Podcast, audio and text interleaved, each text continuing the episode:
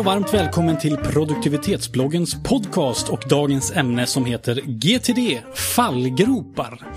Och med oss idag har vi Kajsa. Hallå, hallå. Hallå, hallå och jag heter Andreas. Och dagen till ära har vi också en gäst. Vi har återigen med oss Pontus Axelsson från Centigo. Välkommen! Tack så du ha. Kul att du är här. Ja, det är kul. Och du har ju en hel del, du jobbar med GTD kan man säga. Absolut, ja men det gör jag. Eh, jobbar med att utbilda i GTD. Just det. Och är certifierad och allting. Ja, just det. ämnet. Och eh, fallgropar ska vi prata om idag. Och du Pontus, du kanske bara kort kan berätta, v- vad är GTD? Som en kort repetition bara. Absolut. Eh, GTD står ju för Getting Things Done. Och eh, man hör ju att det handlar om att få saker gjort, att bli mer produktiv. Och själva kärnan i GTD, det är att eh, använda sig av det som kallas lite fint för kognitiv distribution. Alltså att inte hålla allting i huvudet utan ta hjälp av hjälpmedel och sin omgivning för att placera saker eh, där och använda huvudet till det det är bäst på. Att ha ett klart sinne för att vara kreativ, kunna ta beslut och tänka på saker som är relevant för stunden. Ja, perfekt. Och då är frågan, vad finns det för fallgropar då? Vad tänker, Kajsa, vad tänker du på? Fall, för du har kört GTD en stund, men det kan finnas lite saker som är kluriga. Ja, jag kör väl eh, GTD-inspirerat system i alla fall. Jag kanske inte har anammat allt fullt ut, eh, mest beroende på mig själv än, än systemet. Men en sak som jag har fastnat lite på som som konstigt nog också är en av de sakerna som jag värdesätter högst med GTD är just veckogenomgångarna.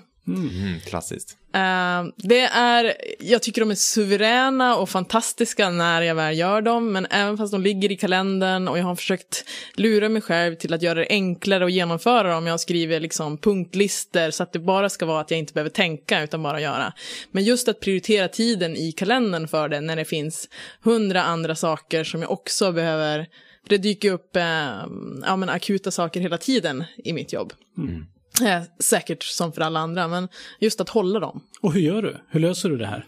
Ja, det, det är jag inte riktigt har lyckats med ännu. Eh, de, delar på vägen är just att, att göra det enkelt för mig att när jag väl sätter mig behöver det inte vara en tröskel, utan när jag väl sätter mig så finns det där. Men, eh, det är lätt att, ja men sen, jag gör det fredag eftermiddagar och det kanske är en, en del i problemet att eh, om man vet att man ska hinna med det där innan man ska hem till familjen och Jag tänker nästan lite så här att detta döpte vi nu till fallgropar detta avsnittet. Men jag tänkte nästan skulle heta livlina för mig om vi ska Mm. Ja. prata om veckogenomgången. För det är verkligen vad det är för mig. Det är min livlina. Att eh, jag kan misshandla mitt system ganska rejält under veckan. För jag vet att det kommer en veckogenomgång när jag verkligen får upp allting ajour och uppdaterat inför nästa vecka. Du kör också fredag eftermiddag? Eller? Fredag eftermiddag, jag Mm. kan inte ta helg utan att ha gjort min veckogenomgång. så att det är enkelt.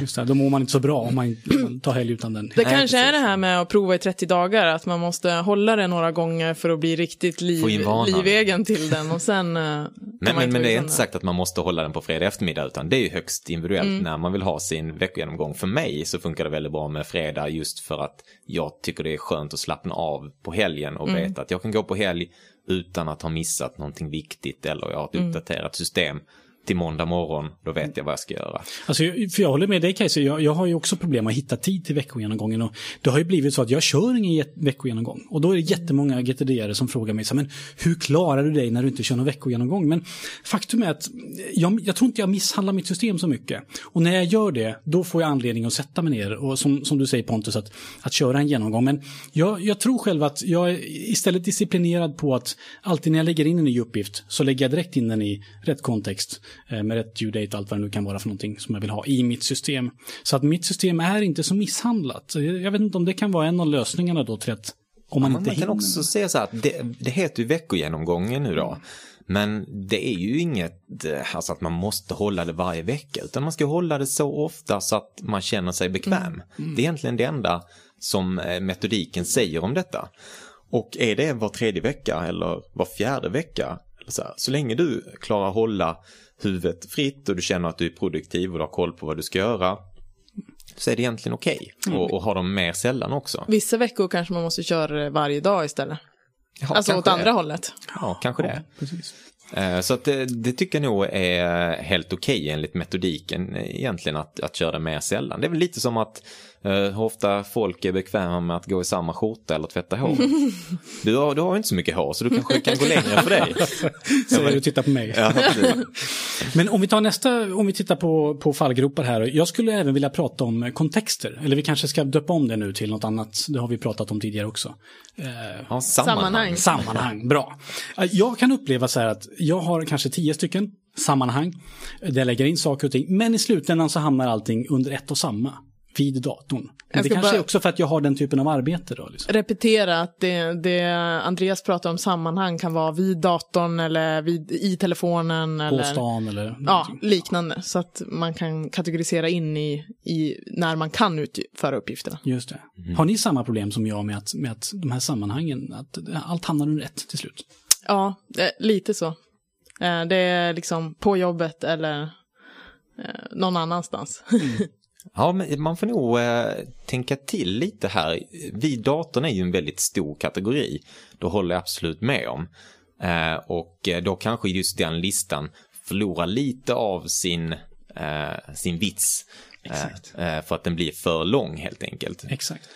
Och det kan jag förstå. Men och då kan man ju också dela in själva den här vid datorn-listan i subgrupper. Så man sätter på sig lite olika hattar.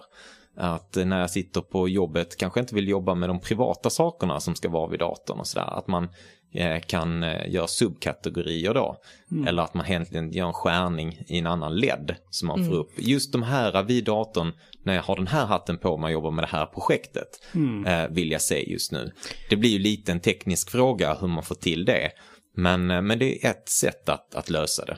En, en tydlig koppling där tycker jag till, till det du säger Pontus. Är, eh, Andreas, du har skrivit inlägg om att eh, blocka in kalendern. Eller jag kommer inte ihåg vad det hette, inlägget. Men att man just har olika block i sin eh, vardag med vad man ska syssla med. Så har du vid datorn och eh, kund eller vid datorn och personal eller vad det nu kan handla om. Där kan du ha, alltså det kan du ha som kontext också. Just det. Det är så det är. Det problemet som jag har, det är att jag har ett, en för stor kategori. Det är kanske så man ska sammanfatta det. Man kan också säga är så stor- här att Stor. Eh, att alltid, vi stöter på det här mycket, att folk har lite problem med de här sammanhangslistorna. Och ungefär 20% av befolkningen har något eh, lite problem med detta. Och det har till och med hittat ett samband mellan vilka som är eh, associativa tänkare och vilka som är sekventiella tänkare som eh, har lite problem med det här med kontextlistorna.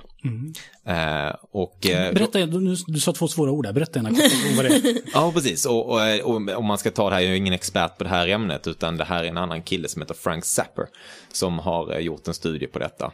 Eh, och, och han visar då i den här studien att de som är sekventiella tänkare eh, tycker bättre om det här med kontext än de som är associativa, associativa tänkare. Och då menar man helt enkelt antingen tänker man mera från punkt A till punkt B i en stegad ordning och andra börjar någonstans och egentligen går åt alla håll tills de till slut hittar rätt och man kan vara lite sådär äh, generell vad det här betyder, de här två olika begreppen. Så att, men det enda jag egentligen ville säga att det finns eh, en viss del av eh, populationen som alltid tycker det här är lite problematiskt, det här tänket.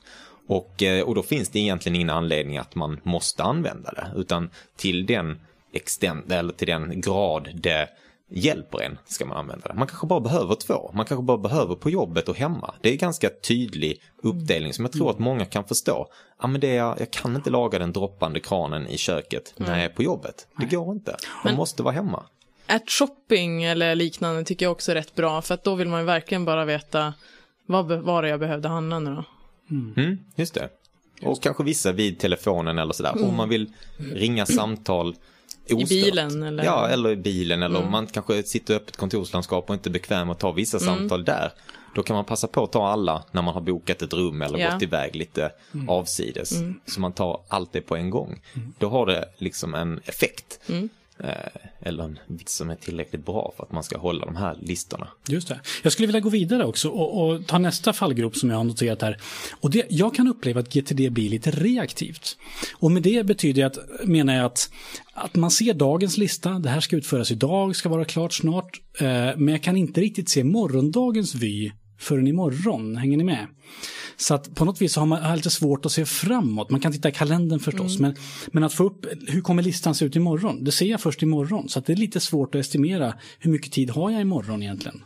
Förstår ni vad jag menar? Ja, lite återigen till det här att man måste ha gjort sin läxa på veckogenomgången, annars faller hela, hela systemet. Och just om man har planerat varje dag vad man ska göra. Ja, det, jag, fast jag planerar aldrig dagarna så, utan det kan snarare vara så att den här saken kan jag inte påbörja förrän imorgon. Och då ligger ju den i, i, på ett sånt sätt så att den dyker inte upp i min lista förrän imorgon. Så att imorgon kan det dyka upp 18 punkter och övermorgon kanske noll och sådär. Och jag har lite svårt att få upp vyerna. Hänger ni med på hur jag, jag försöker säga här? Eller bara jag som har ett sånt system kanske? Ja, kanske. Jag tänker så här att det som ska ligga i kalendern, det är ju sånt som är datumspecifikt eller tidsspecifikt. Eh, och det som måste göras en speciell dag, det ska ligga på den dagen. Allt annat egentligen som man kan göra, om man säger så, när man får tid över, låter lite konstigt, men annan arbetstid som inte är inplanerad, det ligger i dina sammanhangslistor. Ja, precis. Och det är där den ligger. Och min lista är konstruerad på ett sånt sätt att den visar bara uppgifter som jag kan göra nu. Och imorgon så kanske jag kan göra lite mer än vad jag kan göra idag, för att då är Kalle tillbaka från semestern. Så alla punkter som har med Kalle att göra, de kommer inte visas förrän imorgon på mina sammanhangslistor. just så att imorgon kan det ploppa upp 100 uppgifter. För att jag hade 100 grejer att ta med Kalle till exempel. Ja, intressant. Hänger ni med? Okej, det är ju en teknisk liten konfiguration du har där som döljer saker som du inte kan göra ännu. Ja, för att Ja, få så det. korta listor som möjligt. För att inte se onödiga saker och ha lättare att sortera förstås. Då. Men det kanske skulle vara så enkelt som att ta bort den lilla finessen så hade du sett hela... Ja, fast då förlorar, förlorar man ju det här att bara behöva se det man kan fokusera på just nu. Precis. Ja, det, det vet jag inte om jag håller med om i och för sig. Uh, GTD är ju lite sådär att när man har en tid att arbeta och man befinner sig i det sammanhanget att man skulle kunna göra någonting så känner man ju efter vad har jag för energi och vad har jag för tillgänglig tid och så väljer jag en uppgift utifrån det som passar. Det här tar jag tag i nu, det här passar bra nu. Fast jag tror att det, det Andreas säger att han vill inte ha, i, i det urvalet vill han inte ha de som ändå inte går att göra förrän imorgon eller i nästa vecka. Nej, Eh, precis. Så att urvalet blir mindre. Exakt, i, i, i mitt eh, system så ligger de ju i kalendern på den dag där de ska göras. Kan de göras, eller måste de göras den dagen så ligger de i kalendern. Jag kanske missuppfattar. Nej, jag tänker mig det är saker som inte måste göras imorgon men som inte kan göras förrän imorgon. Ja, det är en teknikalitet. Men bra att du nämner ordet energi, för det har jag också antecknat. att Man kan ju också tänka att man väljer ut saker ba- baserat på vilken energi man har. Va? Att idag känner jag mig riktigt sliten, då sorterar jag gem. Medans, eller idag känner jag mig riktigt peppad, då kan jag ta tag i den här surpucken. Brukar ni kategorisera efter energi? Alls? Nej. Nej, utan det blir intuitivt när jag väljer vilken aktivitet jag tar tag i just nu. Mm. Så märker jag att nu har jag energi till att göra det här. Eh, därför väljer jag sortera game-varianten just nu. Just det. Eh, och ibland så känner man att nu har jag energi, nu, nu tar jag den här grejen. Och den är jag imponerad av. För att för jag kan känna så här att man har aldrig riktigt energi för att göra de här riktiga surpuckarna. Det är lätt att ta de här som är lite mindre energi på. Och det slutar med att listan bara innehåller surpuckar. Det kan jag känna lite problem med GTD. Tills de börjar nå sin deadline, då bara måste man göra dem. Förstår du vad jag menar? Ja, ja, jag förstår. Men det kanske är jag som är lite så här, äh, som, som inte riktigt grejer att ta tag i surpuckarna direkt. Vilket jag borde göra, det är ju egentligen där problemet ligger. Kan man säga.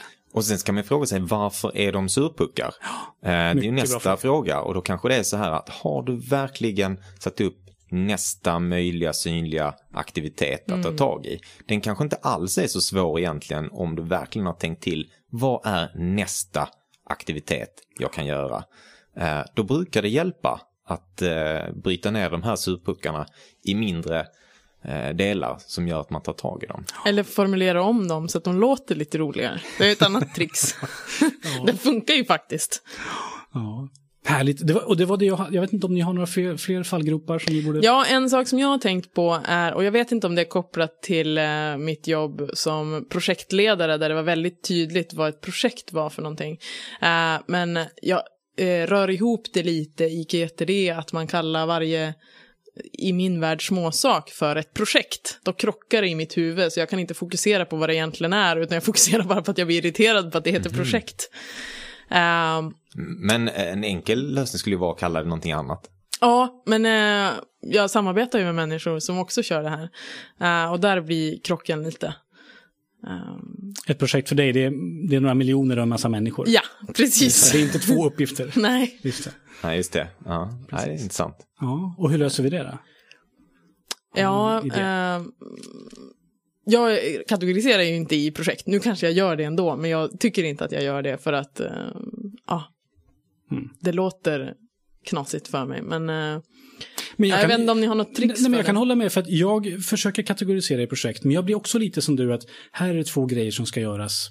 Och då blir det så lätt att bara skriva upp dem som två punkter och inte bry sig om att kategorisera dem som projekt. Och sen gör man de två punkterna och sen är det bra med det. Mm. Men om det skulle råka bli tre och fyra punkter i samma sekvens, Mm. att någon gång måste man gå över till att nej, men det här är faktiskt ett projekt. Då. Eh, Och jag kan känna i min värld att två, det är, och jag, känner också så här, det är, det är för lite för ett projekt kan jag känna själv. Helt enligt metodiken skulle jag säga. Att är det två saker så skulle jag inte skapa ett eh, projekt eh, för det. Det skulle jag inte göra själv. Men säg att det är fem då. Ja, men då, då får man nog tänka till eh, lite också. För det här med projekt, det är ju lite den här, eh, vad är det önskade utfallet? Hur vill jag att världen ser ut eller hur är det här färdigt? Är det för långt bort så att säga? Eh, än de här aktiviteterna som vi precis pratade en, två aktiviteter eller sådär. Va? Så finns det ett värde i att tänka till hur det här verkligen ska vara när det är färdigt. Och den lilla extra tankeloopen tillför en hel del. För det är ofta det som är svårt att veta, hur, hur är jag klar? När är jag klar med det här egentligen? Och är det väldigt, väldigt tydligt för en så kanske det inte behöver vara ett projekt. Nej. Men om det finns det minsta lilla tveksamhet i här att "Ah, jag är inte riktigt säker på när jag kan bocka av detta som färdigt. Då bör man nog tänka till runt det. Mm. För jag ser bara risken att det blir ett långt träd med olika nivåer av projekt. Alltså du har sju projekt som du driver, alltså med gubbar och pengar. Och sen under, under varje projekt så har du tio till projekt och under det så har du 14 mer och så vidare. Var går liksom gränsen för hur man håller koll på vad det faktiskt hör hemma eller ska göras? Mm. Ja, men, intressant fråga och eh, jag tänker nog så här själv att de allra flesta av oss har ungefär, märker jag, eh, på sina projektlistor 60 runt omkring där, vissa är uppe i 100 projekt eh, privat och på jobbet. Och har man mer än det, då skulle jag säga att då hinner man inte med. Nej. Då har man väldigt mycket projekt. Vissa har ju till och med så här vilande projekt. En del flyttar över dem till sin kanske någon gång lista, men en del har vilande projekt i sina projektlistor också. Just det. Eh, Och det är egentligen ingenting som metodiken har någonting emot, utan som man, som man känner och tycker där. Jag vet att David Allen då, författaren till det här och hans fru Catherine, har eh, de här två olika systemen. Eh, Men så det är helt okej enligt metodiken.